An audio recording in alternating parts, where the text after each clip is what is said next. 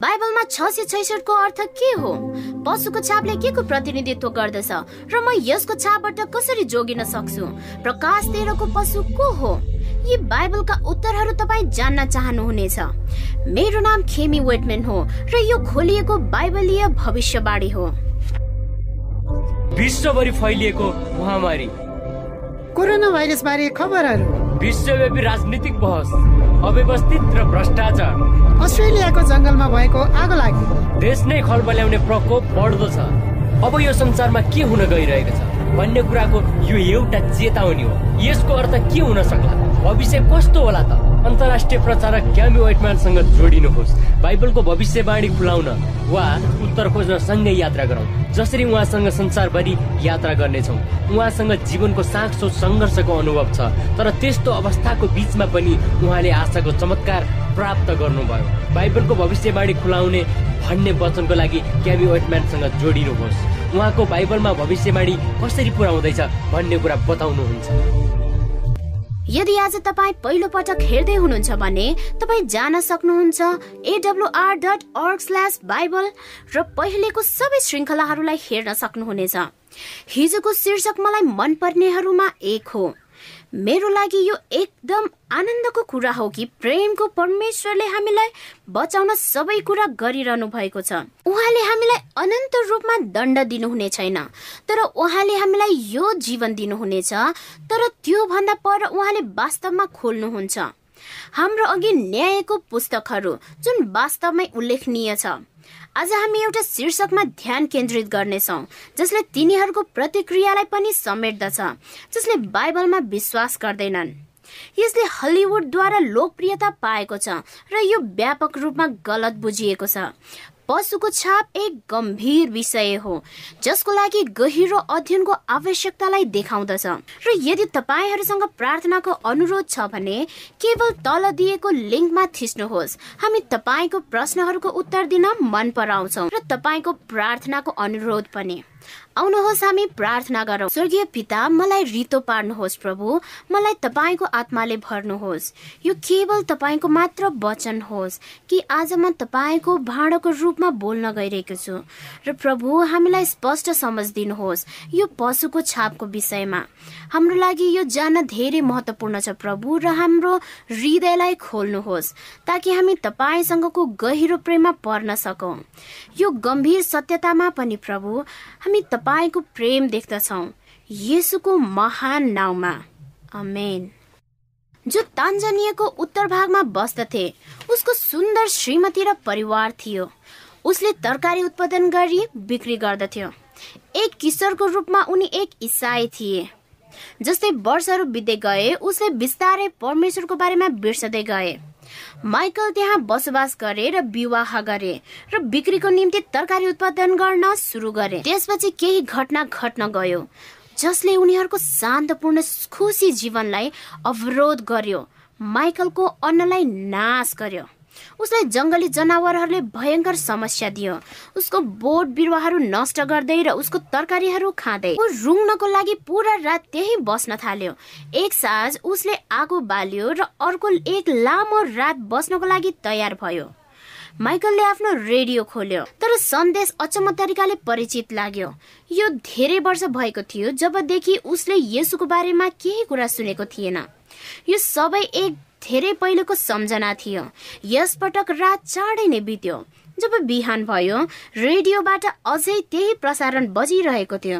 जुन उसले पछि थाहा पायो त्यो एडभेन्टिस्ट वर्ल्ड रेडियो थियो। दोस्रो साँझ माइकलले फेरि यस समय उसले पाँचजना आफ्नो छिमेकीहरूलाई बोलायो। त्यसमा सहभागी हुन र सुन्नको लागि। तेस्रो रात रेडियोमा विश्वासको बारेमा सन्देश प्रस्तुत गरिएको थियो।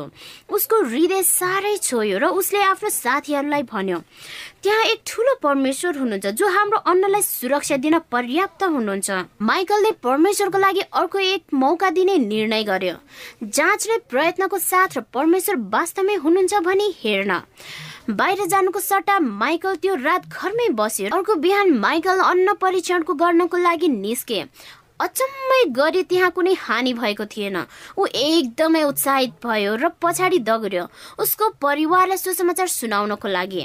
उसको जीवनको पहिलो पटक उसले महसुस गर्यो कि परमेश्वर साँचो हुनुहुन्छ र उसलाई ख्याल गर्नुहुन्छ। एकपछि अर्को रात माइकल घर फर्क्यो। रेडियो सुन्यो र सुरक्षाको लागि शान्तसँग सुत्नको अघि प्रार्थना गर्न थाल्यो। उसको छिमेकीले प्रश्न सोध्न सुरु गर्यो। सुँगुरहरू उसको बारी भएर जाँदा तिनीहरूले देखेका थिए केवल उनीहरू वरिपरिको अन्नबाली खानको लागि। उनीहरूलाई लाग्यो कि त्यो पक्कै पनि भूत प्रेत हुनुपर्छ। माइकलले खुसी साथ रेडियोको बारेमा बतायो र परमेश्वरको बारेमा जसले तरकारीहरूलाई पनि सुँगुरहरूबाट सुरक्षा गर्नुहुन्छ। उसका केही छिमेकीहरूले पनि परमेश्वरलाई जाँच्ने निर्णय गरे र घर बाहिर जानुको साटो घरमा ए डट डब्लु डट आरलाई सुनेर बसे। ती सुँगुरहरूले तिनीहरूको तरकारी बारीलाई पनि केही हानि गरेनन्। धेरै समय नबित्दै माइकल र उसको परिवार र अरू तिसजना मानिसहरू उसको गाउँबाट जम्मा गरे। उनीहरूको जीवन यसुलाई बत्तिसमा मार्फत दिनको लागि। मुस्कुराहटको साथमा माइकलले सुनाए हामी एडभेन्टिस वर्ल्ड रेडियो प्रति धेरै धन्यवादी छौँ। किनकि यदि हामीले यो प्रसारणलाई सुनेको थिएनौँ भने हामी अहिलेसम्म बाहिर अन्धकारमा हुन्थ्यौँ। तीन वर्षपछि माइकलले बारी निरन्तर रूपमा वृद्धि हुन्छ र जङ्गली सुँगुरहरू फेरि कहिले फर्केर आएनन्? माइकललाई परमेश्वरको प्रेमको बारेमा सबैलाई भन्न मन पर्थ्यो र अहिले एक प्रचारक बनेका छन्। उसको यसुप्रतिको प्रेमलाई पुनः जीवित पारिएको छ र ऊसँग आफ्नो व्यक्तिगत अनुभवबाट एक प्रकारको गम्भीर इच्छा छ। विश्वास र भरोसाको। यी सबै एक साधारण रेडियो प्रसारणको नतिजा हो र प्रार्थनाको उत्तर दिनको लागि परमेश्वर पर्याप्त शक्तिशाली हुनुहुन्छ। यो कथा एक उत्कृष्ट प्रदर्शन हो। एक मानिसको जसले आफ्नो पूर्ण विश्वास परमेश्वरको ख्यालमा राखेका छन्। पृथ्वीको प्रतिफलले कुनै फरक पार्दैन। सबै दृश्यहरूमा परमेश्वरको योजना सबैभन्दा उत्तम छ र प्रत्येक सानो विवरणहरूमा। उहाँको तरिकाले केही अर्थ राख्छ। यो अन्तिम न्याय हो। त्यसैले जब हामी यो संसार कसरी अन्त्य हुन्छ भनी हेर्दछौ हामी हाम्रो परमेश्वरको कार्यमाथि भरोसा राख्न सक्छौ। किनकि उहाँको काम गर्ने तरिकाले प्रेममा जरा गाडेको छ। आजको साँझ मेरो विनम्र इच्छा छ कि तपाईँहरूको अघि परमेश्वरको स्पष्ट वचन राख्ने। म आशा गर्दछु तपाईँ मसँगै हुनुहुन्छ किनकि तपाईँ सत्यलाई खोजिरहनु भएको छ। तपाईँ आफैले निर्णय गर्नुहोस् के सत्य हो भनेर र के भ्रम हो भने। यदि तपाईँले केही परमेश्वरको वचन विपरीत पाउनु भयो भने तपाईँले यसलाई इन्कार गर्नु पर्दछ तर तपाईँले सत्यको खोजी गर्ने इच्छा गर्नुभयो भने एउटा गार्धनको रूपमा त्यसलाई स्वीकार गर्नुहोस्। पवित्र आत्माले देखाउनु भए अनुसार मित्रहरू यो तपाईँ र मेरो निम्ति धेरै महत्वपूर्ण छ। के अपेक्षा गर्ने र के अस्वीकार गर्ने जान्नको लागि बाइबलले चेतावनी दिँदछ केही कुरा हुन गइरहेको छ। हामी विश्वास गर्न सक्छौ कि यो हुनेछ। यसले भने जस्तो दुरुस्तै उही समयमा। हामी नौ प्रस्तुतिदेखि सँगै छौँ र परमेश्वरले कसरी आफ्नो वचनलाई पुरा गर्नुहुन्छ अगाडि देखिसकेका छौँ। उहाँले हामीलाई भविष्यवाणीद्वारा जागरुक राख्नुहुन्छ असहाय राख्नुहुन्न। डरको साथ तर उहाँको ज्ञानले भर्नुहुन्छ। साहसको नतिजा ल्याउँदछ। परमेश्वरको सत्यता कसैलाई निराश पार्न कहिले पठाउनुहुन्न। यो सधैँ ज्ञान दिनको लागि पठाइन्छ। मेरो उद्देश्य तपाईँलाई त्रसित बनाउनको लागि होइन तर विश्वासिलो बनाउनको लागि हो। सैतानको उद्देश्य सत्यतालाई जाली बनाउनु हो र परमेश्वरले दिनुभएको सबै कुरा मानिसको भलाइको निम्ति हो। सैतानले तपाईँलाई खराबीको लागि दिँदछ।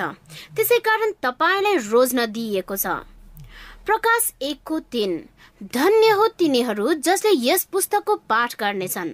यस अगमबाडीलाई सुन्नेछन् र त्यहाँ लेखिएको वचनलाई पालना गर्नेछन्। किनभने समय नजिक छ। के तपाईँ मानिसको प्रख्यात रीतिरिवाजमाथि भरोसा राख्नुहुन्छ वा के तपाईँ परमेश्वरलाई बाचा गर्नुहुन्छ? याद गर्नुहोस् कि हाम्रो विषयको मुख्य सार हो। यदि यो बाइबलमा छ भने म विश्वास गर्दछु। यदि यो बाइबलमा छैन भने यो मेरो लागि होइन। सबैभन्दा डर लाग्दो सुन्दर र थर्कमान भाषा। प्रकाशको सबै पुस्तकहरूमा प्रयोग भएको पशुको छापलाई उल्था गर्न हो। हामी पढौँ कसरी यसले दण्डलाई व्याख्या गर्दछ। तिनीहरू जसले यो छाप दिन्छन्। प्रकाश चौधको नौदेखि एघार। त्यसपछि तेस्रो स्वर्गदूतले तिनीहरूलाई पछ्याए। चर्को स्वरमा भन्दै यदि कसैले पशुको आराधना गर्छ भने र उसको मूर्तिको र उसको चिन्ह निधारमा लिन्छ भने वा उसको हातमा लिन्छ भने उसले पनि त्यो पिउनेछ परमेश्वरको क्रोधको दाखमद जुन पुरा शक्तिको साथ खन्याइनेछ क्रोधको कचौरामा। उसलाई आगो र गन्धकमा यातना दिइनेछ परमेश्वरको पवित्र दूतहरूको अगाडि। र परमेश्वरको थुमाको सामुन्ने र तिनीहरूको यातनाको धुवा सदाकालको लागि माथि जानेछ र तिनीहरूको निम्ति कुनै विश्रामको दिन हुने छैन। जसले पशु र त्यसको मूर्तिलाई पुज्नेछन् र जो जसले उसको नाउँको छाप लिनेछन् हामीले चाँडै नै त्यसको विशेषतालाई चिन्नेछौँ। भविष्यवाणीले बताउँदछ मानिसहरूको ठुलो समूहले यस पृथ्वीमा पशुको छाप लिन रोज्नेछन्। प्रकाशको पुस्तकमा परमेश्वरले सिकाउनुहुन्छ कि सबै मानिस जाति यस पृथ्वीमा प्रचुर मात्रामा दुई समूहमा विभाजन हुनेछन्। एउटा समूहले स्वर्गको परमेश्वरलाई पछ्याउनेछन् र परमेश्वरको मोहर वा छापलाई लिनेछन्। अर्को समूहले सैतानलाई पछ्याइरहनेछन्। कसले पशुको प्रतिनिधित्व गर्नेछ र तिनीहरूले उसको छाप लिनेछन्? वास्तवमा पशुको छाप भनेको के हो भने बिना शङ्का ऊ त्यो छापले नाश हुनेछ। हामी सकारात्मक हुनु पर्दछ कि हामीले पशुको छापलाई परमेश्वरको वचनमा पहिचान गर्न सक्छौँ। याद राख्नुहोस् कि हामीले परमेश्वरको चौथो आज्ञा कसरी उहाँको छाप हो भनी अध्ययन गर्यौं। परमेश्वरले उहाँका मानिसहरूलाई एउटा चिन्ह एक छाप एक मोहर उहाँको सृष्टि उद्धार गर्ने शक्ति उपलब्ध गराउनु भएको छ। प्रस्थान पुस्तकको बिसको पद आठदेखि एघारमा भएको सातौं दिनको आज्ञाले भन्दछ सातौं दिन पवित्र मान्नुपर्छ भनी याद राख। हामीले सबाद पुस्तौं पुस्तासम्म मनाउनेछौ। एक अन्तको विधिको रूपमा। त्यसको अर्थ हो निरन्तर परमेश्वरसँगको करार। यो परमेश्वर र उहाँमा उद्धार पाएका जातिहरूको बीचमा सदाको लागि चिन्ह हो। इजिकेल बिसको बाह्रले भन्दछ मैले तिनीहरूलाई मेरा सबाथहरू पनि दिए। तिनीहरू र मेरो बीचमा एउटा चिन्ह हुनको लागि। ताकि तिनीहरूले त्यो जानुन् कि म उही परमेश्वर हुँ जसले तिनीहरूलाई पवित्र पार्नुहुन्छ। छापलाई पहिचान गर्नको लागि हामीले सबैभन्दा पहिले पशुलाई पहिचान गर्नु पर्दछ भविष्यवाणीमा पशुले के जनाउँदछ? दानियल सातको तेइसले भन्दछ चौथो पशुले पृथ्वीको चौथो राज्यलाई बुझाउँदछ। भविष्यवाणीमा पशुले राज्यहरू र शासन सत्तालाई बुझाउँदछ वा पृथ्वीलाई शासन गर्ने संगठनहरूलाई बुझाउँदछ। अभिव्यक्तिले अपहेलनालाई जनाउँदैन। यसको अर्थ पशुको विशेषताहरू होइन। प्रत्येक पशुको वर्णन एक राज्य संस्थाको वर्णन हो। प्रकाश तेह्रको एक अनुसार यो पशुको छापसँग समुद्रबाट निस्किआउँदछ। भविष्यवाणीमा पानीले के बुझाउँदछ? प्रकाश तेह्रको एक। त्यसपछि समुद्रको किनारामा खडा भयो। र मैले समुद्रबाट निस्किआएको एक पशुलाई देखेँ। त्यसको सातवटा शिरहरू र दसवटा सिंहहरू थिए र उसको सिंहहरूमा दसवटा मुकुटहरू थिए र त्यसको शिरहरूमा ईश्वर निन्दाको नाउँ थियो। प्रकाश सत्रको पन्ध्र। र उसले मलाई भने तिमीले देखेका पानीहरू जहाँ बेसियाको वासस्थान छ ती मानिसहरू भिडहरू राज्यहरू र भाषाहरू हुन्। हामी देख्छौ कि पानीहरूले मानिसहरूलाई र भिडहरू र राज्यहरू र भाषाहरूलाई बुझाउँदछ। भविष्यवाणीमा पानीले जनसङ्ख्याको ठूलो क्षेत्रलाई प्रतिनिधित्व गर्दछ। मानिसहरूको जमातलाई प्रकाश तेह्रमा ध्यान दिनुहोस् कि यो पशु जससँग छाप छ जुन मैले लिनु हुँदैन जससँग आठ उच्चारित विशेषताहरू छन्। त्यसैले अब हामी ती आठ विशेषताहरूलाई हेर्नेछौ प्रकाशको पुस्तकबाट। त्यहाँ एउटै वस्तु छ जससँग सबै आठैवटा विशेषताहरू छन्। इतिहासमै त्यहाँ एउटै मात्र छ। संवेदनशील विषयलाई आजको साथ सम्बोधन गर्न गइरहेका छौ। म भिन्नै ऐतिहासिक कागजातहरूबाट उद्धृत गर्न गइरहेकी छु। जुन कुनै व्यक्तिलाई दोषारोपण गर्ने उद्देश्यले होइन तर भविष्यवाणी पूरा भइरहेको देखाउनको लागि हो। परमेश्वरको छोराछोरीहरू त्यहाँ प्रत्येक संस्कार सम्प्रदाय र विश्वासको प्रणालीमा छन्। जब उनीहरूले उहाँको स्वर सत्यतालाई सुन्नेछन् तिनीहरूले उहाँलाई पछ्याउनको लागि कुनै छरको मान्दैनन् चाहे उनीहरूको संस्कारलाई किन त्याग्न नपरोस्। यहाँ देखाएको जानकारीले निर्देश गर्दछ कि मात्र त्यो प्रणालीतर्फ जससँग एउटा सिद्धान्तहरूको संख्या छ जुन हामीले स्पष्ट रूपमा धर्मशास्त्रको विरुद्धमा गएको पाउनेछौँ। विशेष त संख्या एक पशुले आफ्नो शक्ति कुर्सी र अधिकार प्राप्त गर्नेछ। प्रकाश तेह्रको दुईमा भन्दछ अहिले मैले देखेको पशु चितुवा जस्तो थियो। त्यसको खुट्टाहरू भालुका जस्ता थिए र उसको मुख सिंहका जस्ता थिए। अजिङ्गरले आफ्नो शक्ति सिंहासन र ठूलो अधिकार उसलाई सुम्पियो। धर्मशास्त्रले सैतानलाई अजिङ्गरको रूपमा वर्णन गर्दछ। प्रकाश बाह्रको चार त्यसको पुच्छरले एक तिहाई स्वर्गको ताराहरूलाई आफ्नो साथमा लग्यो र पृथ्वीमा फालिदियो। बालक जन्मने साथ त्यसलाई निलिहालौँ भने अनि त्यो अजिङ्कर बालक जन्मन लागे कि त्यस स्त्रीको अगाडि खडा भयो। उनको बालक येसु। अजिङ्गरले प्राथमिक रूपमा सैतानलाई बुझाउँदछ तर यसले मूर्तिपूजक रोमलाई पनि संकेत गर्दछ। एउटा राष्ट्र जस मार्फत सैतानले कार्य गर्दछ। हामीलाई यो थाहा छ किनकि मत्ती दुईको सोह्रमा हामी देख्छौ कि सैतानले राजा हेरोद एउटा रोमी शासकलाई प्रयोग गर्यो यसुलाई नष्ट पार्ने कोसिस गर्न। बेतलेमको सम्पूर्ण बालकहरूलाई मार्यो। इतिहास स्पष्ट छ कि रोमी शासन जसको अर्थ हर्मन क्याथोलिक चर्च वा पेपिसी यसले आफ्नो शक्ति अधिकार र राजधानी हासिल गर्यो। पुरानो मूर्ति पूजक रोम प्राचीन राजनीतिक शासन। इतिहासकार कार्ल एक खड्का अनुसार जब रोमी साम्राज्य छुटियो र यसको ठाउँहरूलाई अशिष्ट रुखो राज्यहरू रोमन क्याथोलिक मण्डलीहरूद्वारा कब्जा गरियो। साम्राज्यहरूको स्वतन्त्रता धार्मिक संगठन मात्र भएन तर बाहिरी संगठनहरूमा पनि। अडल्फ हार्नेकको भनाइ अनुसार इसाईत्व के हो? रोमी चर्चले आफैलाई धकेल्यो।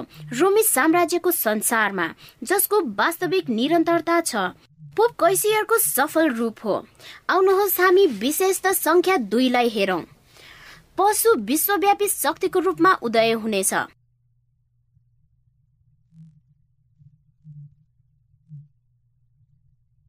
प्रकाश तेह्र। तेस्रो र सातौं पदमा र मैले उसको पशुहरूमध्ये एउटालाई देखे जसलाई घातक चोट लागे जस्तो देखिन्थ्यो र उसको घातक चोट निको भएको थियो र सारा संसार चकित भई त्यस पशुको पछि लाग्यो।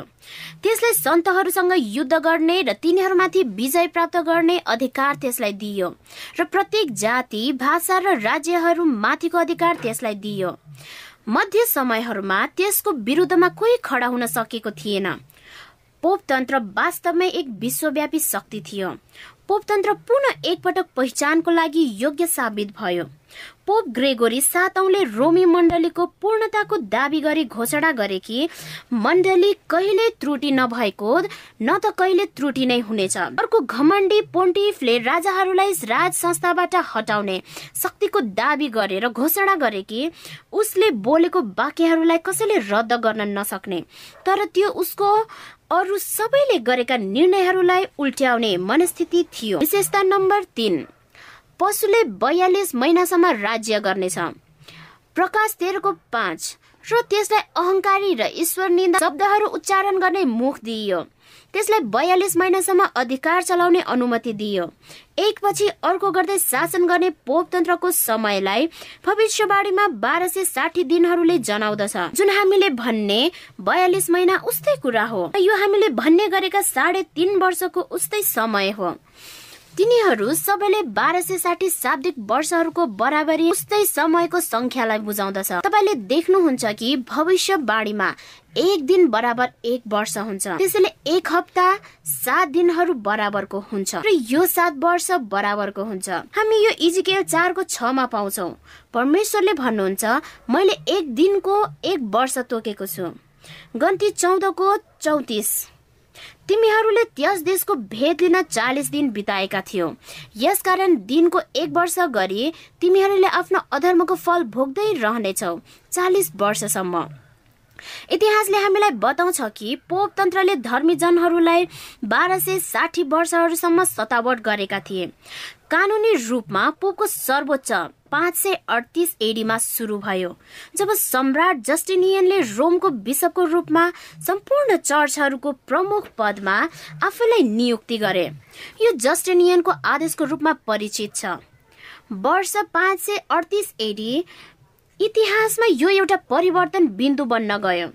रोमी साम्राज्यको जति बेला जस्टिनियनले आफैलाई ईश्वर शास्त्री हुन घोषणा गरे यो वर्षबाट र अब ऊ फेरि एउटा सिपाही होइन। उसले आफ्नो जनादेशको अवरोधलाई तोडे। मूर्तिपूजक रोमी साम्राज्यदेखि पवित्र रोमी साम्राज्यको रूपमा।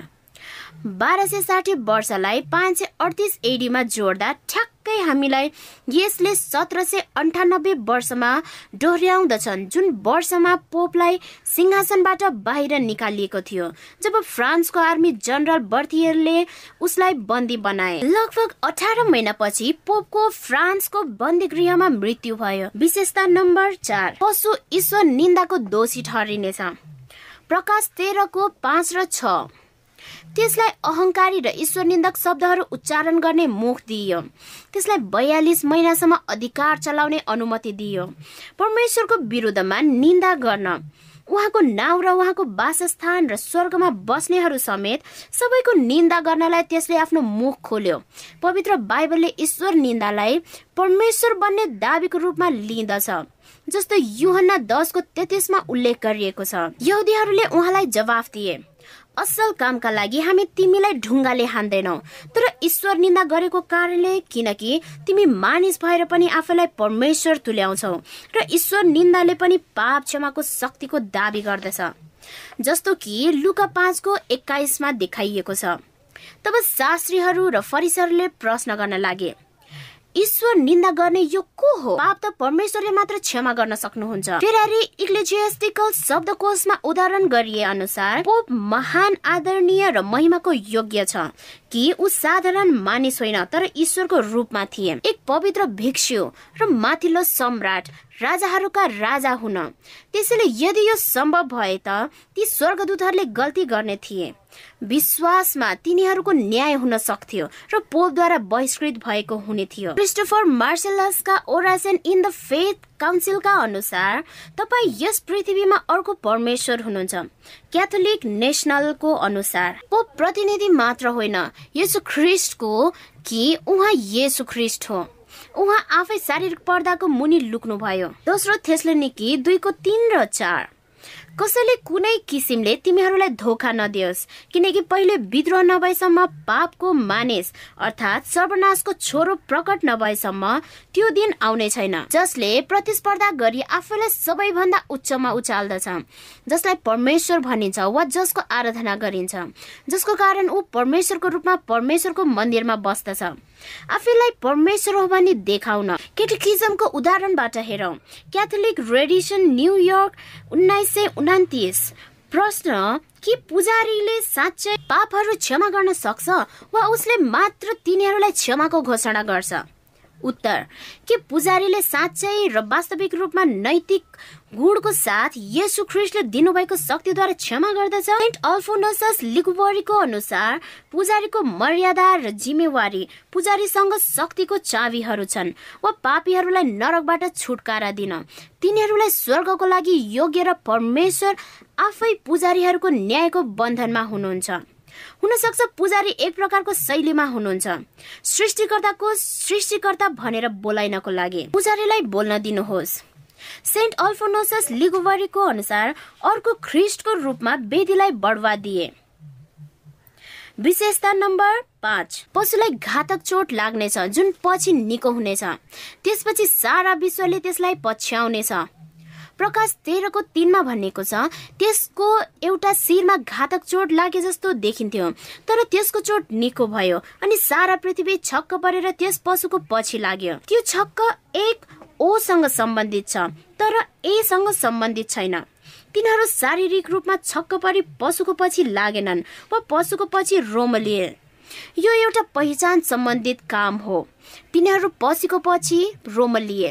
त्यसैले तिनीहरूको सोच विचार पशुको जस्तै छ। तिनीहरूले पशुको शक्तिलाई रोजे। पोपतन्त्रले यस्तो चिजको सामना गरे जुन एउटा घातक प्रहार थियो।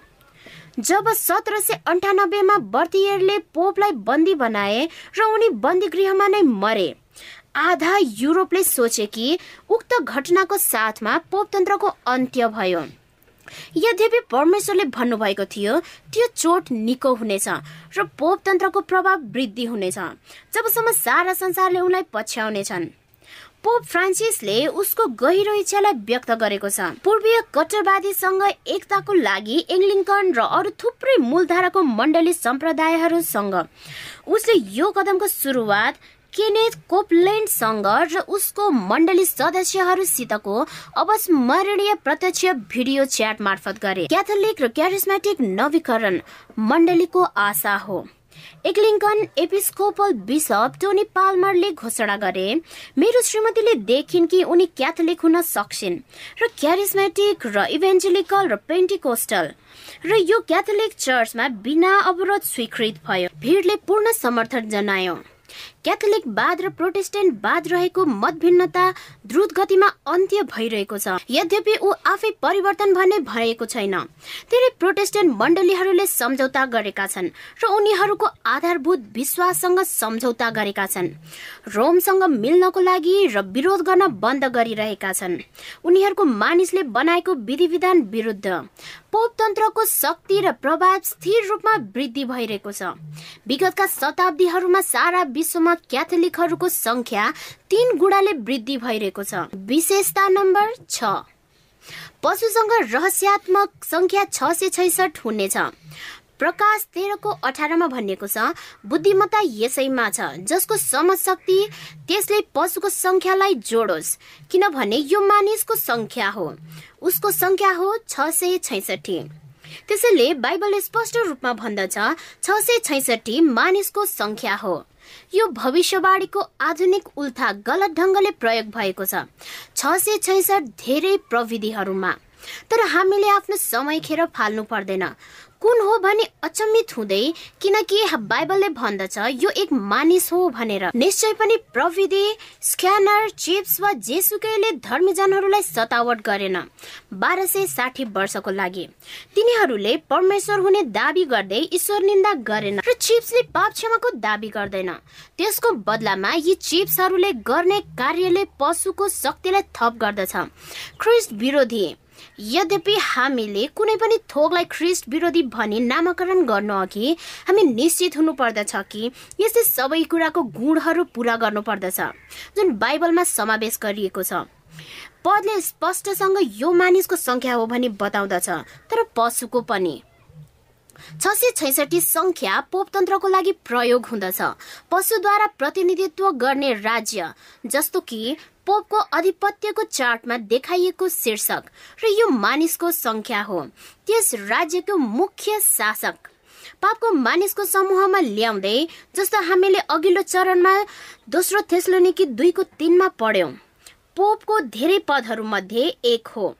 भिकारियस फिलियाइडे परमेश्वरको पुत्र भिकार जुन पोप राज्यको तोपहरूमा सजिलै पाउन सकिन्छ अमेरिकाको क्याथोलिक विश्वविद्यालयको डाक्टर जोहानियस क्वास्टेन भन्नुभयो पद भिकारियस फिलिडे र त्यसै गरी पद भिकारियस हिस्ट्री धेरै साधारण पदहरू हुन्। पोपको पदहरूको रूपमा आइतबारे पाहुना अनुसार एक जेजुएट प्रकाशनको अनुसार रोमको पोपको पद हो भिकारियस फिलिडे यो कुरा उसको मुकुटमा कुदिएर लेखिएको छ। र यदि तपाईँले त्यो अक्षरलाई लिएर र एकसाथ जोड्नु भयो भने छ सय छैसठ हुन आउँछ। प्रोटेस्टेन्ट डाक्टर हेनरी ग्राटन गुइनेनसको बेबिलोन र पशु अनुसार माथिल्लो तहको अङ्ग्रेजी कर्मचारी जो सत्र सय उनासयमा रोममा भएको बेला विशेष समर्थनमा पोपको गहनामा राम्रोसँग नजर लगाउन पाएका थिए। पोपको ताजमा यो लेख थियो। भिकारियस फिली डे तर यदि क्याथोलिक र प्रोटेस्टेन्ट दुवै पदमा सहमति भयो भने र जेजुएट पनि समाजले पोपलाई बचाउन लाग्नेछन्। कुनै पनि मूल्यमा यो सबै कुरा उनीहरूको आफ्नै प्रकाशनमा पुष्टि गरेको। रोमन संख्याको मान्यतालाई लिनुहोस् र पर्दामा देखाए अनुसार त्यसलाई एकसाथ जोड्नुहोस् जसमा भी बराबर पाँच हुन्छ। आई बराबर एक हुन्छ सी बराबर एक सय हुन्छ। र त्यस्तै गरी सबै संख्यालाई जोड्दै जाँदा जम्मा संख्या छ सय छैसठ हुन आउँछ। न्यू एडभेन्ट क्याथोलिक इन्साइक्लोडिया अनुसार पोपको ताजमा तीन श्रेणीहरू छन्। भ्याटिकनका अनुसार त्यो तीन श्रेणीले पोपको तीन गुणा शक्तिलाई संकेत गर्दछ। राजाहरूका पिता संसारको शासक र यसुको पुरोहितलाई संकेत गर्दछ। विशेषता नम्बर सात। पशु एक धार्मिक शक्ति हुनेछ। यो आराधनामा सामेल हुनेछ। प्रकाश तेह्रको पाँच र आठले भन्छ त्यसलाई अहंकारी र ईश्वर निन्दक शब्दहरू उच्चारण गर्ने मुख दिइयो। त्यसलाई बयालिस महिनासम्म अधिकार चलाउने मुख दिइयो। र पृथ्वीमा बास गर्ने सबैले त्यस पशुको पूजा गर्नेछन्। अर्थात् तिनीहरूले जसको नाउँ संसारको सृष्टिदेखि नै मारिनु भएका थुमाको जीवनको पुस्तकमा लेखिएको छैन। पहिलेको मूर्ति पूजक राज्यहरूभन्दा पोपतन्त्र फरक छ। किनकि यो राजनीतिक र धार्मिक शक्ति दुवै हो। यो शक्ति निरुपेक्षको सरकार होइन तर यो आत्मिक सवालहरूमा संलग्न हुन्छ। आराधना भन्ने शब्दलाई प्रकाश तेह्रमा मात्र चार पटक प्रयोग गरिएको छ। एउटा अध्यायमा झुटो आराधनाको विरुद्धमा पोप पाइस नौ आठौँ अठार सय चौसठीका अनुसार क्याथोलिक धर्म मानिसहरूको एकमात्र धर्मको रूपमा खडा हुनु पर्दछ। सबै धर्मको आराधनाको एकमात्र आधारको रूपमा। विशेषता नम्बर आठ। त्यसलाई सन्तहरूसित लडाई गर्न र सतावट गर्न अधिकार दिइयो। प्रकाश तेह्रको साथले भन्छ अनि त्यसलाई सन्तहरूसँग लडाई गर्न र तिनीहरूलाई जित्न अनुमति दियो। सबै कुलहरू मानिसहरू भाषाहरू र जातिहरूमाथि त्यसलाई अधिकार दियो। प्रोटेस्टेन्ट इसाईहरूलाई बिना गल्ती दोषी ठहराइएका थिए। धेरै जस्तो भयानक अपराधहरूको र ठुलो प्राकृतिक प्रकोपको कारणको रूपमा घोषणा गरे। तिनीहरूलाई क्रूर रूपमा राज्यको विरोधीको र धर्मको शत्रुको रूपमा दोषी देखाइए। धेरै संख्यालाई जङ्गली जनावर सामु फ्याँकिए र रङ्गमञ्चमा जिउँदै जलाइए। तिनीहरूको सजायलाई प्राय ठुलो मजाक बनाइयो। जन उत्सवहरूमा ठुलो भिड त्यो दृश्यमा रमाउनलाई जम्मा भए र हाँसो र होहल्लाको साथमा मृत्युजन्य कष्टको भोग विलास गरे। इतिहासकार डी अभिग्ने र वाइलीले भन्छन् लाखौँ भन्दा बढी निर्दोष मानिसहरू मारिए मात्र एक सभामा। जोन क्याल्भिनले राजा चार्ल्स पाँचौँलाई लेखेको पत्र अनुसार म इन्कार गर्दछु कि तिनी येसुको पुरोहित बनेको जसले क्रुद्ध सुसमाचार सतावट गरिरहेको थियो। उसको कामद्वारा यो थाहा हुन आउँछ कि ऊ ख्रिस्ट विरोधी हो। कारणवादको आत्माको जागरण र प्रभावको इतिहास डब्लु लेकीका अनुसार रोमको मण्डलीले कुनै पनि संस्थाले भन्दा धेरै निर्दोषहरूको रगत बगाएको छ जुन मानव इतिहासमा कहिल्यै भएको छैन। जुन दानियलको अनुसार ठुलो षड्यन्त्रको पर्दाफास छड्के अनुसन्धानकर्ताको लागि। रोमी शासनको क्रूर हत्याको इतिहासले गन्दा दिदछ जहाँ सम्पूर्ण सहरहरू र जनसङ्ख्याहरू निर्दयतापूर्ण रूपमा मारिए। किनकि उनीहरूले यस्तो ढङ्गले आराधना गरे कि जुन रोमन क्याथोलिक वादसँग विपरीत मतको थियो। पहिलो योन्ना दुईको बाइसले भन्दछन् झुटो को हो? तर तिनीहरू जसले येसु ख्रिस्ट हुनुहुन्छ भनी इन्कार गर्दछन्। जसले पिता र पुत्रलाई इन्कार गर्दछ ऊ ख्रिस्ट विरोधी हो। यी भनाइहरूको स्रोत कुनै पनि मानिसहरूको समूहलाई आक्रमण गर्नको लागि होइन। यो त्यो शैतानमाथिको आक्रमण हो जो यो सम्पूर्ण विनाशको जिम्मेवारी छ। परमेश्वर स्वयं आफैले भन्नुभएको छ कि यो प्रणालीसँग एउटा छाप छ जुन हामीले लिने साहस गर्नु हुँदैन येसुको महिमा होस् कि उहाँले यो उहाँको प्रकाशको पुस्तकमा खोलिदिनु भएको छ। सैतानको हामी सबैलाई नष्ट गर्ने भयानक योजना। किनकि हामीले अहिले सकारात्मक रूपमा आठ विशेषताहरूको पहिचान गर्यौं। प्रकाश तेह्र अध्यायमा भएको पशु एक पोपतन्त्र प्रणालीको रूपमा प्रख्यात जेम्स कार्डिनल गिब्बन्स उद्धृत गर्दै बाल्टिमोरका नौ आर्च बिसप जसले लेखेका थिए।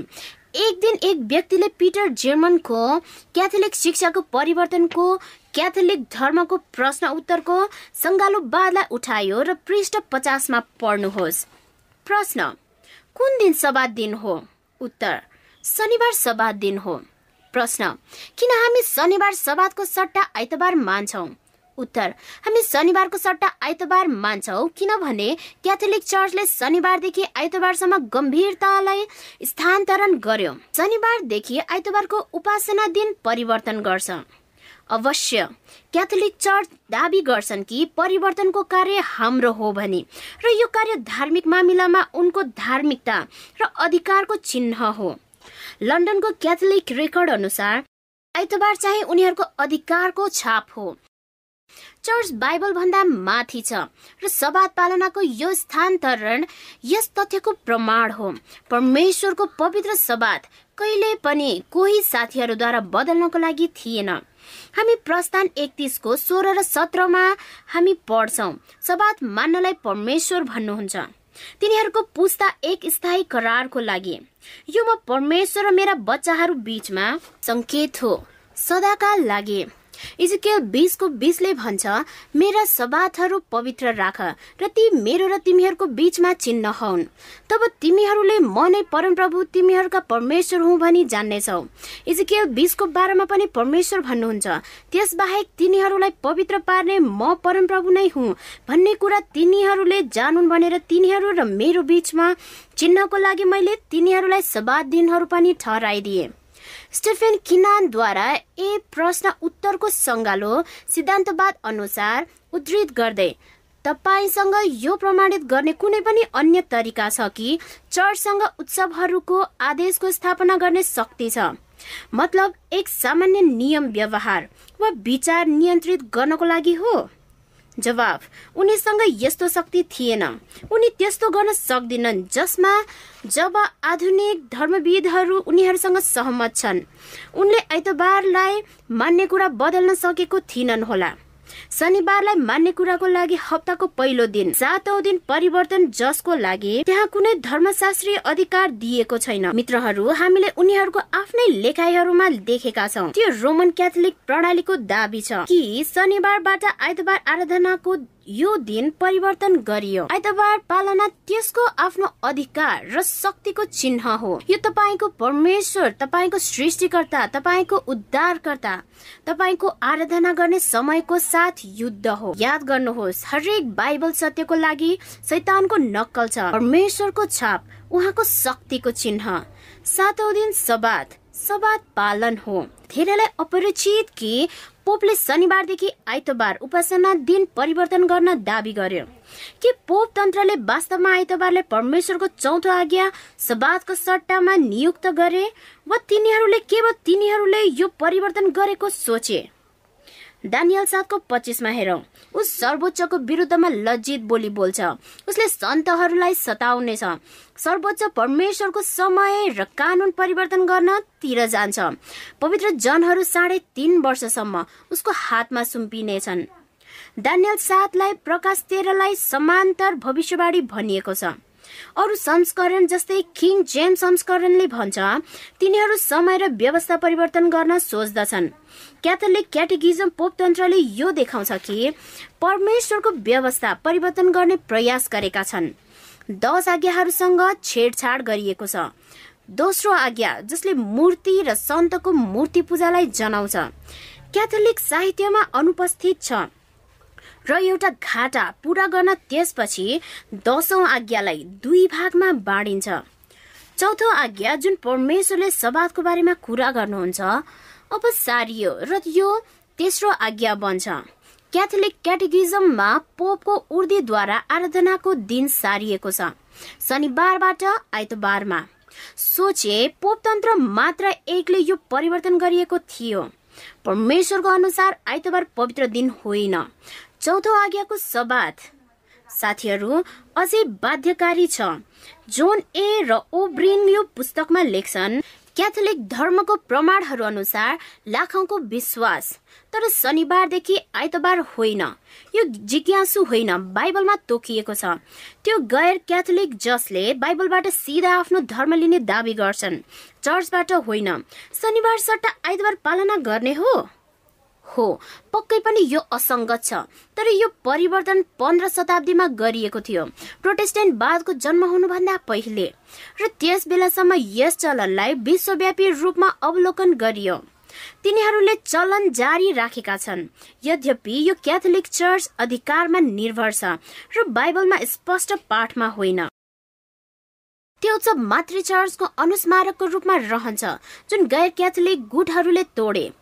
एउटा केटा घरदेखि भागिरहेको जस्तै तर गोजीमा आफ्नै आमाको तस्बिर वा केसको लक राख्दछ। साथीहरू तपाईँलाई थाहा छ परमेश्वरलाई दुःख लाग्छ। जब धार्मिक अगुवाहरू नै नौवटा मात्र आज्ञाहरू रोज्दछन्। र त्यस्ता मानिसहरूको कारण उहाँको सबातमाथि ठेस लाग्ने गर्दछ। मलाकी दुईको सातदेखि नौले भन्दछ तपाईँले धैर्यलाई व्यवस्थामा ठेस लाग्ने बनाउनु भएको छ। तिमीहरूले मेरो मार्ग हिँडेका छैनौ तर व्यवस्थाको कुरामा तिमीहरूले पक्षपात गरेका छौ।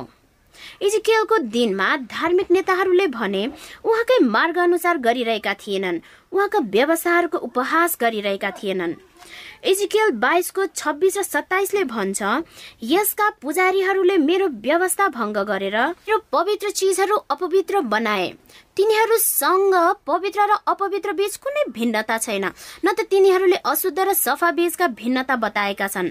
अनि तिनीहरूले मेरा विश्राम दिनबाट आफ्नो आँखा लुकाए यसकारण म तिनीहरू बीच अपवित्र छु। यो आज पनि भइरहेको छ। धेरै धार्मिक अगुवाहरूले भन्ने गर्छन्। त्यहाँ कुनै भिन्नता छैन। सबात र आइतबार बीच वा तपाईँ यदि इमानदार हुनुहुन्छ भने कुनै पनि दिन तपाईँ गर्नुहुनेछ। साथीहरू इजिकेल बाइसको आठमा परमेश्वर आफै भन्नुहुन्छ तिमीले मेरो पवित्र चिजहरूको सम्मान गरेनौ र मेरो विश्रामको दिनलाई अपवित्र तुल्यायौ भने तिनीहरू जसमाथि परमेश्वरले आफ्नो क्रोध पोखाउनुहुनेछ। इजिकेल बाइसको अठाइसमा जस्तै। त्यसैले परमप्रभु भन्नुहुन्छ जबसम्म उहाँ यो बोल्नु भएको छैन परमेश्वरले व्यवस्था गर्नुहुन्न वा उहाँको शब्दहरूमा यी थपहरू वा घटाउहरू बिर्सनुहुन्न। यो दावी गम्भीर छ कि हाम्रो विचारहरू उहाँका हुन्। हामीले उहाँको मुखमा कहिले पनि शब्दहरू राख्नु हुँदैन वा अपमान गर्नु हुँदैन। उहाँले के भन्नुभएको छ? धर्मशास्त्रले हामीलाई चेतावनी दिन्छ कि धार्मिक गतिविधि पर्याप्त छ जबसम्म यदि हामी परमेश्वरको गर्दैनौँ भने। ख्रिसले घोषणा गर्नुभयो कि परमेश्वरको नाम पुकार्नु र नेतृत्व पनि गर्नु। ठुलो निस्वार्थी मानवीय कार्यक्रमहरूमा व्यर्थमा खेर जानेछ। यदि परमेश्वरको इच्छा पालन नगरेमा धर्मशास्त्रले भन्छ कि आज्ञा पालन नै मान्य धर्मको वा ख्रिस्टको साँचो अनुयायीको साँचो परीक्षा हो। उहाँको आज्ञाहरू चाहिँ पालन नगर्नेहरू परमेश्वरको अनुमोदन पूरा गर्न सक्दैनन्। ती जसले सोला स्किटुरा बाइबल खोलिदिन्छन् र बाइबलले एक मात्र सर्वोच्च अख्तियारको रूपमा परमेश्वरको अनुमोदन पूरा हुन्छ। अब यो स्पष्ट पार्नुहोस् कि यसको प्रोटेस्टेन्ट वा प्रोटेस्ट एन्ट हुनु भनेको के हो? विरोध गर्न अस्वीकार गर्न पोपको विश्वव्यापी अधिकार अस्वीकार गर्न पोपतन्त्रको रोमन क्याथोलिक चर्च बहिष्कृत प्रणाली सुधार सिद्धान्तहरूको पुष्टि गर्नको लागि कि हजारौं सुधारकहरू मारिए। तपाईँले देख्नुहुन्छ मूल प्रोटेस्टेन्टवाद सोह्र सत्रमा विश्वास गरे र पोपतन्त्रको गलत धार्मिक विश्वासको विरोध प्रोटेस्टेन्टहरूले पोपलाई सोच्छन् कसरी तपाईँ परमेश्वरको व्यवस्था परिवर्तन गर्न सक्नुहुन्छ? सन्त क्याथरिन क्याथोलिक चर्च अनुसार मे एक्काइस उन्नाइस सय पन्चानब्बे यो अनुसार सायद सबैभन्दा साहसी कुरा सबैभन्दा क्रान्तिकारी परिवर्तन चर्चले गरेको पहिलो शताब्दीमा भयो। पवित्र दिन सब्बात परिवर्तन भएको थियो। शनिबारबाट आइतबारमा प्रभुको दिन डोमिनिका मर्दछ। छनौट गरिएको थियो कुनै दिशाबाट उल्लेख गरिएको होइन। धर्मशास्त्रमा तर चर्चको अर्थबाट यसको आफ्नै शक्ति हो। पुनरुत्थानको दिन पेन्टिकोसको दिन पचास दिनपछि हप्ताको पहिलो दिन आयो। त्यसो भए यो नयाँ विश्राम दिन हुनेछ। मानिसहरू सोच्दछन् कि धर्मशास्त्र एक मात्र अधिकार हुनुपर्छ।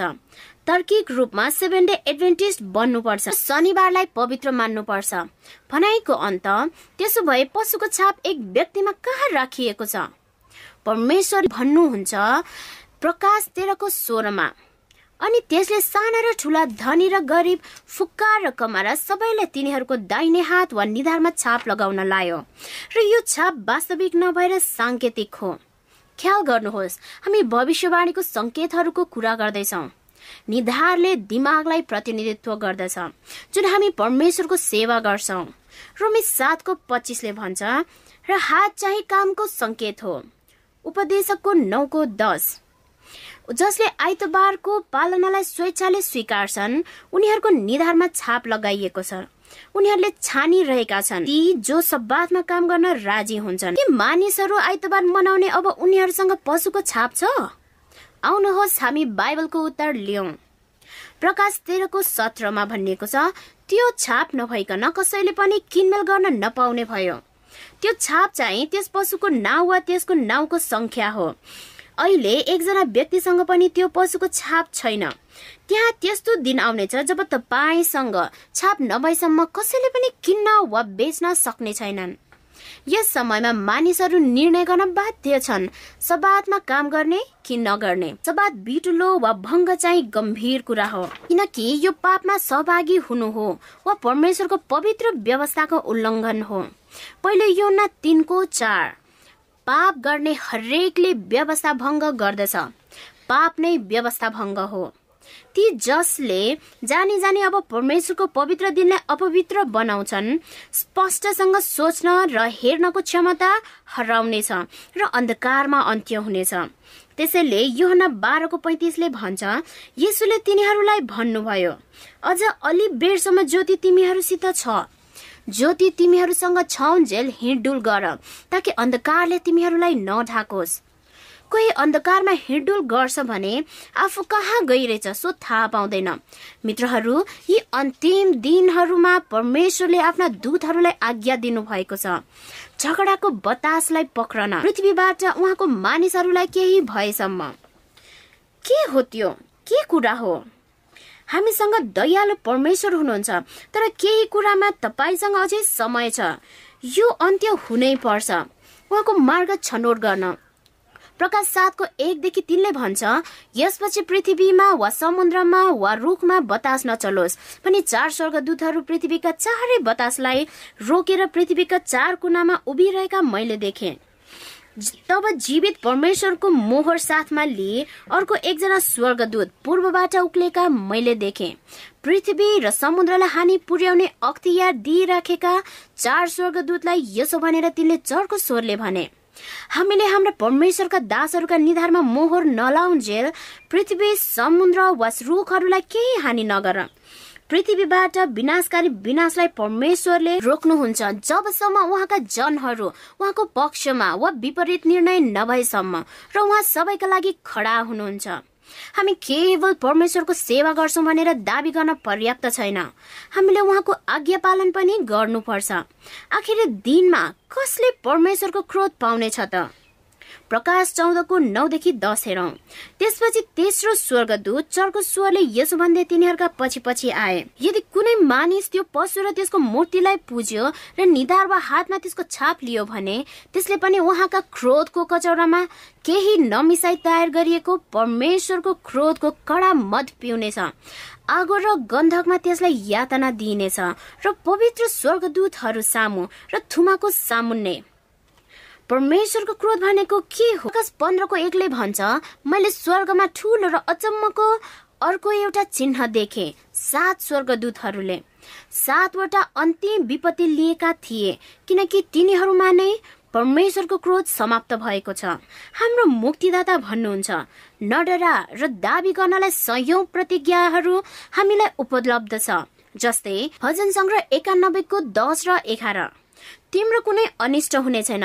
तिम्रो घरको नजिक कुनै विपत्ति आउने छैन। किनकि उहाँले आफ्ना स्वर्गदूतहरूलाई तिम्रो सबै मार्गमा रक्षा गर्नलाई आज्ञा दिनुहुनेछ। आमेन। ती जोसँग परमेश्वरको छाप तिनीहरूको सुरक्षाको प्रतिज्ञा गरिएको छ र ती सात विपत्तिबाट अलग गरी परमेश्वरको छाप लगाइनेछ। के भविष्यवाणीमा संयुक्त राज्य अमेरिकालाई उल्लेख गरिएको छ? आउनुहोस् हामी एउटा धेरै गहिरो अध्ययनमा एक झलक छोटकरीमा हेरौँ। प्रकाश तेह्रको एघार र बाह्र।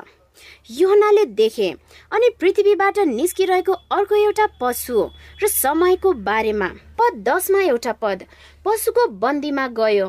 त्यसको पनि थुमाका जस्तै दुईवटा सिङ थिए र अजिङ्गर जस्तै त्यो बोल्दथ्यो संसारको सबै राष्ट्रमा यो जमिनबाट बाहिर उठ्नु पर्थ्यो जुन खाली क्षेत्र हो। शक्ति भेडा हुनेछ जस्तै गुणहरू। स्वतन्त्रता र समानताको उच्च सिद्धान्त साथ श्रेष्ठको गुणहरू तर अन्तमा अजिङ्गरको जस्तो बोल्दै। संयुक्त राज्य अमेरिकाको संविधान सत्र सय उनानब्बेमा लागू भयो। लगभग बाह्र सय साठी वर्षको भविष्यवाणीको अन्ततिर अमेरिका परमेश्वरको भविष्यवाणी गरिएको समय सीमामा स्वतन्त्र थियो। डब्लिन राष्ट्रले संयुक्त राज्य अमेरिकाको बारेमा बोलेको थियो। एक अद्भुत साम्राज्यको रूपमा जुन देखा पर्दै थियो र उद्धरण गर्नुहोस्। दैनिक पृथ्वीको मौनताको बीचमा यसको शक्ति र घमण्ड बढाउँदै थुमा जस्तो सिंहले संकेत गर्दछ युवावस्था। निर्दोषता र भद्रता। ठिक संयुक्त राज्य अमेरिकाको चरित्र प्रतिनिधित्व गर्दछ। यो एक अजिङ्गरको रूपमा बोल्नेछ भविष्यवाणी र अभ्यास। पहिलो पशुको सबै शक्ति। स्पष्ट रूपले आत्माको विकासको अग्रिम जानकारी गर्दछ। असहिष्णुता र सतावटको समय आउँदैछ। यो दोस्रो पशुले कुन दुई दुख लाग्दो कामहरू मानिसलाई गर्न बाध्य गराउँछ त? प्रकाश तेह्रको बाह्र र सोह्र हेरौँ। त्यसले पहिलो पशुको उपस्थितिमा त्यही पशुको सारा अधिकार चलाउँथ्यो र पृथ्वी र त्यसका सम्पूर्ण बासिन्दाहरूलाई पहिलो पशुको पूजा गर्न लगाउँथ्यो जसको घातक चोट निको भएको थियो। अनि त्यसले साना र ठुला गरिब र धनी फुक्का र कमारा सबैलाई छाप लगाउन लायो। तिनीहरूका दाहिने हात वा निधारमा अमेरिका मानिसहरूलाई जबरजस्ती अघि बढाउनेछ पशुको छाप पाउनलाई। यो भव्य देश चाँडै धार्मिक स्वतन्त्रता खण्डन गर्नेछ र मानिसहरूलाई झुटो उपासना गर्न बाध्य पार्दछ। जब प्रमुख चर्चहरू संयुक्त राज्य अमेरिकाको एकजुट डाक्टरको साधारण विषयहरूमा उनीहरूले आफ्नो आदेश लागू गर्न राज्यलाई प्रभाव पार्नेछन् उनीहरूको संस्थालाई सम्हाल्न त्यसपछि प्रोटेस्टेन्ट अमेरिकाले रोमन अधिपत्यको एक मूर्ति बनाउनेछ। यिनीहरूले उसको कुरा सुन्नुपर्छ। प्रकाश तेह्रको तेह्रले भन्छ। ठुला ठुला चिन्हहरू पनि त्यसले गर्यो। आकाशबाट पृथ्वीमा आगो झर्ने जस्ता काम। मानिसका आँखाको अघि अनि त्यसले धोका दिन्छ तिनीहरू जो बस्छन्। पृथ्वीमा उहाँलाई दिएको संकेतहरूद्वारा पशुको दृष्टिमा गर्न भन्दै ती पृथ्वीमा बस्नेहरूलाई बनाउनलाई एक मूर्ति पशुलाई जो घाइते थियो तरवारद्वारा र बाँचेको थियो एक मूर्ति प्रतिलिपि हो। यससँग मूल गुणहरू छन्। केवल यी एक वस्तुसँग यी आठ विशेषताहरू छन्। सबै इतिहासमा रोमन क्याथोलिक प्रणाली छ। प्रकाश तेह्रको पहिलो पशु कुन हो? मित्रहरू इतिहासमा जानुहोस् र आफैको लागि जाँच गर्नुहोस्। यो एक शक्ति थियो जसले राज्य स्रोतहरूको उपयोग गर्यो। यसको सिद्धान्त लागू गर्न। जब यी सिद्धान्तहरू परमेश्वरको वचनको विपरीत थिए दोस्रो पशुले पनि त्यस्तै गर्नेछ। भविष्यवाणीले हामीलाई बताउँदछ। दोस्रो पशुले बहिष्कार र ज्यान मार्ने धम्की प्रयोग गरी मानिसहरूलाई जबरजस्ती लाइनमा लगाउनेछ। प्रकाश तेह्रको पन्ध्रदेखि सत्रले भन्छ छाप लागू हुनेछ। आर्थिक प्रतिबन्धको पर्दाफास गरेर। अनि छाप अस्वीकार गर्नमा थुमा जस्तो पशुले अजिङ्गरको रूपमा बोल्नेछ। याद गर्नुहोस् परमेश्वरले हाम्रो उपासना वा आज्ञाकारितालाई जबरजस्ती गर्नुहुन्न। प्रेममा उहाँ सधैँ हामीलाई चुन्ने स्वतन्त्रता दिइन्छ। चेलाहरूले के भने हामीले परमेश्वरको आज्ञा पालना गर्नुपर्छ कि मानिसको? प्रेरित पाँचको उन्तिसले भन्छ तर पत्रुस र अरू प्रेरितहरूले जवाब दिए र भने बरु हामीले मानिसको भन्दा परमेश्वरको आज्ञा पालन गर्नु राम्रो छ।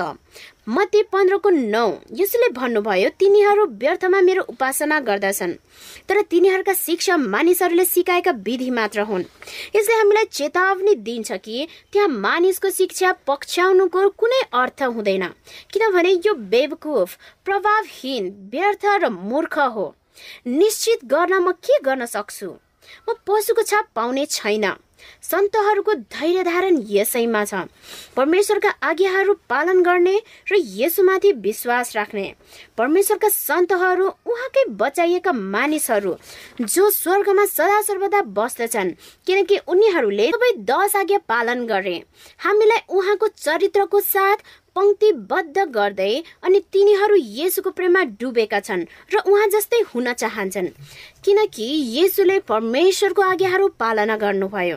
प्रश्न यो हो कि येसु ख्रिस्ट प्रति वफादारी हुने कि वा ख्रिस्ट विरोधी प्रति प्रकाश तेह्रको चारले भन्छ तिनीहरूले अजिङ्गरको पूजा गर्दथे किनकि त्यसले आफ्नो अधिकार पशुलाई दिएको थियो। यो एउटा नकली प्रणाली हो र विश्वले यस पशुको जस्तै सोच्न थाल्छ र यसको मानसिकतामा यसलाई अनुसरण गर्न थाल्छ। जबकि परमेश्वर चिन्ह सबादको आराधना हो। परमेश्वरको स्वतन्त्रताको व्यवस्था। प्रकाश बाइसको चौधले भन्छ धन्यका हुन् तिनीहरू जसले उहाँका आज्ञाहरू पालना गर्दछन् ताकि जीवनको रुखमा अधिकार पाउनेछन्। प्रत्येक व्यक्तिले कि त परमेश्वरको लागि वा विपक्षमा निर्णय गर्नु पर्दछ जो मेरो साथ छैन त्यो मेरो विरुद्ध छ। र जसले मसँग बटुल्दैन त्यसले छरपष्ट पार्छ। चित्रण गर्नुहोस् मानव धेरै मानिसहरू भेला हुँदैछन्। उनीहरूको अगाडि एउटा बार छ। बारको एकपट्टि यीशु मुस्कुराउँदै उभिनुहुन्छ। अर्कोतर्फ सैतान पछाडि र अगाडि जान्छ। येसु र सैतान दुवैले मानिसहरूलाई बोलाउन थाल्छन्। एक एक गरी प्रत्येक व्यक्ति आफैले निर्णय लिन्छ। तिनीहरू कसलाई आफ्नो मालिक? येसु वा सैतानको रूपमा छनौट गर्छन्। अन्तिम मानिस कुनै पनि समूहमा सामेल हुँदैन बरु ऊ बारमा चढ्छ खुट्टा फैलाइ नहल्ली बस्छ। त्यसकारण यसो फर्कनुहुन्छ र आफ्नो अनुयायीहरूसँग हराउनुहुन्छ र सैतानले उसको समूहसँग छोड्छ। मानिस मुस्कुराउँदै बारमा एक्लै बस्छ आफूलाई केही चलाक ठान्दै तर अचानक उसले एउटा आकृति आफूतिर आउँदै गरेको देख्छ। उसले थाहा पाउँछ त्यो सैतान हो र डरले काँप्दछ। खराबले भन्छ आओ हामी जाँदै गरौँ चकित भई मानिस जवाब दिन्छ ओहो ओहो होइन होइन। मैले तिमीलाई छानेको छैन। मैले कसैलाई पनि छानेको छैन। सैतानले स्वाङ पार्छ ओ यो तपाईँले गर्नुभयो। तिमीले देख्यौ मैले बार आफ्नो बनाए। साथीहरू मेरो दिमागमा कुनै शङ्का छैन जुन पक्ष बारको म हुन चाहन्छु। अनि तपाईँको? साथीहरू अनिर्णय भनेको निर्णय हो। यदि तपाईँले ख्रिस्टलाई आफ्नै दावी गर्नुहुन्न भने आफ्नो व्यक्तिगत मुक्तिदाताको रूपमा त्यसपछि कसले बचाउँछ? बाइबलले प्रष्ट रूपमा भन्छ येसु ढोका हुनुहुन्छ स्वर्गको ढोका भित्र जाने एक मात्र बाटो। यो न चौधको छले भन्छ मद्वारा बाहेक कोही पनि पिता कहाँ आउन सक्दैन? हामीले येसुलाई छान्नु पर्छ र उहाँको सत्यको लागि दृढ अडान लिनु पर्दछ हामी आज रात उहाँको शब्दहरू हेरिरहेका छौँ। साथीहरू उहाँ चाँडै आउँदै हुनुहुन्छ। ढिलाइ गर्न त्यहाँ कुनै समय छैन। मित्रहरू के तपाईँ आज राति बारमा बसिरहनुहुन्छ? के तपाईँलाई लाग्छ येसुले अहिले तपाईँलाई बोलाउँदै हुनुहुन्छ? के तपाईँ तपाईँको बाइबलबाट हेर्दै हुनुहुन्छ कि अन्तिम समयको घटना वरिपरि मूल विवाद भनेको पूजा हो? म प्रार्थना गर्दछु कि तपाईँले यो अत्यन्त महत्वपूर्ण कुरा बुझ्नुहुन्छ। आठ पहिचानका विशेषताहरू त्यसले हामीलाई देखाउँदछ र बताउँदछ कि को हो। प्रकाश तेह्रमा त्यो पशुको छाप भनी। आज राति के तपाईँ यसुलाई भन्न चाहनुहुन्छ? म प्रेमपूर्वक तपाईँको आज्ञा पालना गर्न रोज्छु। यदि त्यसो हो भने तलको लिङ्क क्लिक गर्नुहोस् र त्यो छनौट गर्नुहोस्। के तपाईँ भन्न चाहनुहुन्छ? म चाहन्न पशुको आराधना गर्न वा छाप पाउन। त्यो पनि एउटा छनौट गर्नुहोस्। हुन सक्छ आज राति तपाईँ यसुलाई जान्न दिन चाहनुहुन्छ। कि तपाईँ बत्तिसमा गर्न चाहनुहुन्छ? मलाई तपाईँसँगै प्रार्थना गर्न दिनुहोस्। स्वर्गीय पिता म तपाईँलाई सान्त्वनाका लागि प्रार्थना गर्दछु कि कोही जो अहिले तपाईँको शास्त्रको पदसँग कुस्ती गरिरहेका छन् हामी प्रार्थना गर्दछौँ कि हामी प्रत्येकले तपाईँको पहिचानको बिन्दुहरू स्पष्ट रूपमा देख्छौँ। हामीलाई थाहा छ तपाईँ आउँदै हुनुहुन्छ। हामी सबैले आफ्नै व्यक्तिगत निर्णय लिनु पर्दछ हामी कसको पक्षमा छौँ? तर अहिले प्रभु विशेष रूपमा हरेक व्यक्तिको साथ हुनुहोस् र तपाईँको वचनमा उनीहरूलाई निर्देशन दिनको लागि तपाईँको पवित्र आत्मा पठाउनुहोस्। कि मसँग यहोसु जस्तै प्रतिबद्धताका साथ सहभागी हुन्छन् कि म र मेरो घरनाले तपाईँकै सेवा गर्दछौ र तपाईँलाई नै रोज्दछौ। अनमोल शक्तिशाली येसुको नाउँमा। आमेन। याद गर्नुहोस् हाम्रो लाइभ बाइबल निर्देशनहरू खडा छन्। तपाईँको प्रश्नहरूको उत्तर दिन अहिले नै तल थिच्नुहोस्। भोलि साँझ तपाईँको सात बजे मसँग सहभागी हुनुहोस्। एक आकर्षक शीर्षकको लागि वेश्या खुल्दै गरेको बाइबलीय भविष्यवाणीमा परमेश्वरको मार्ग रोज्नुहोस्। साथीहरू शुभरात्री।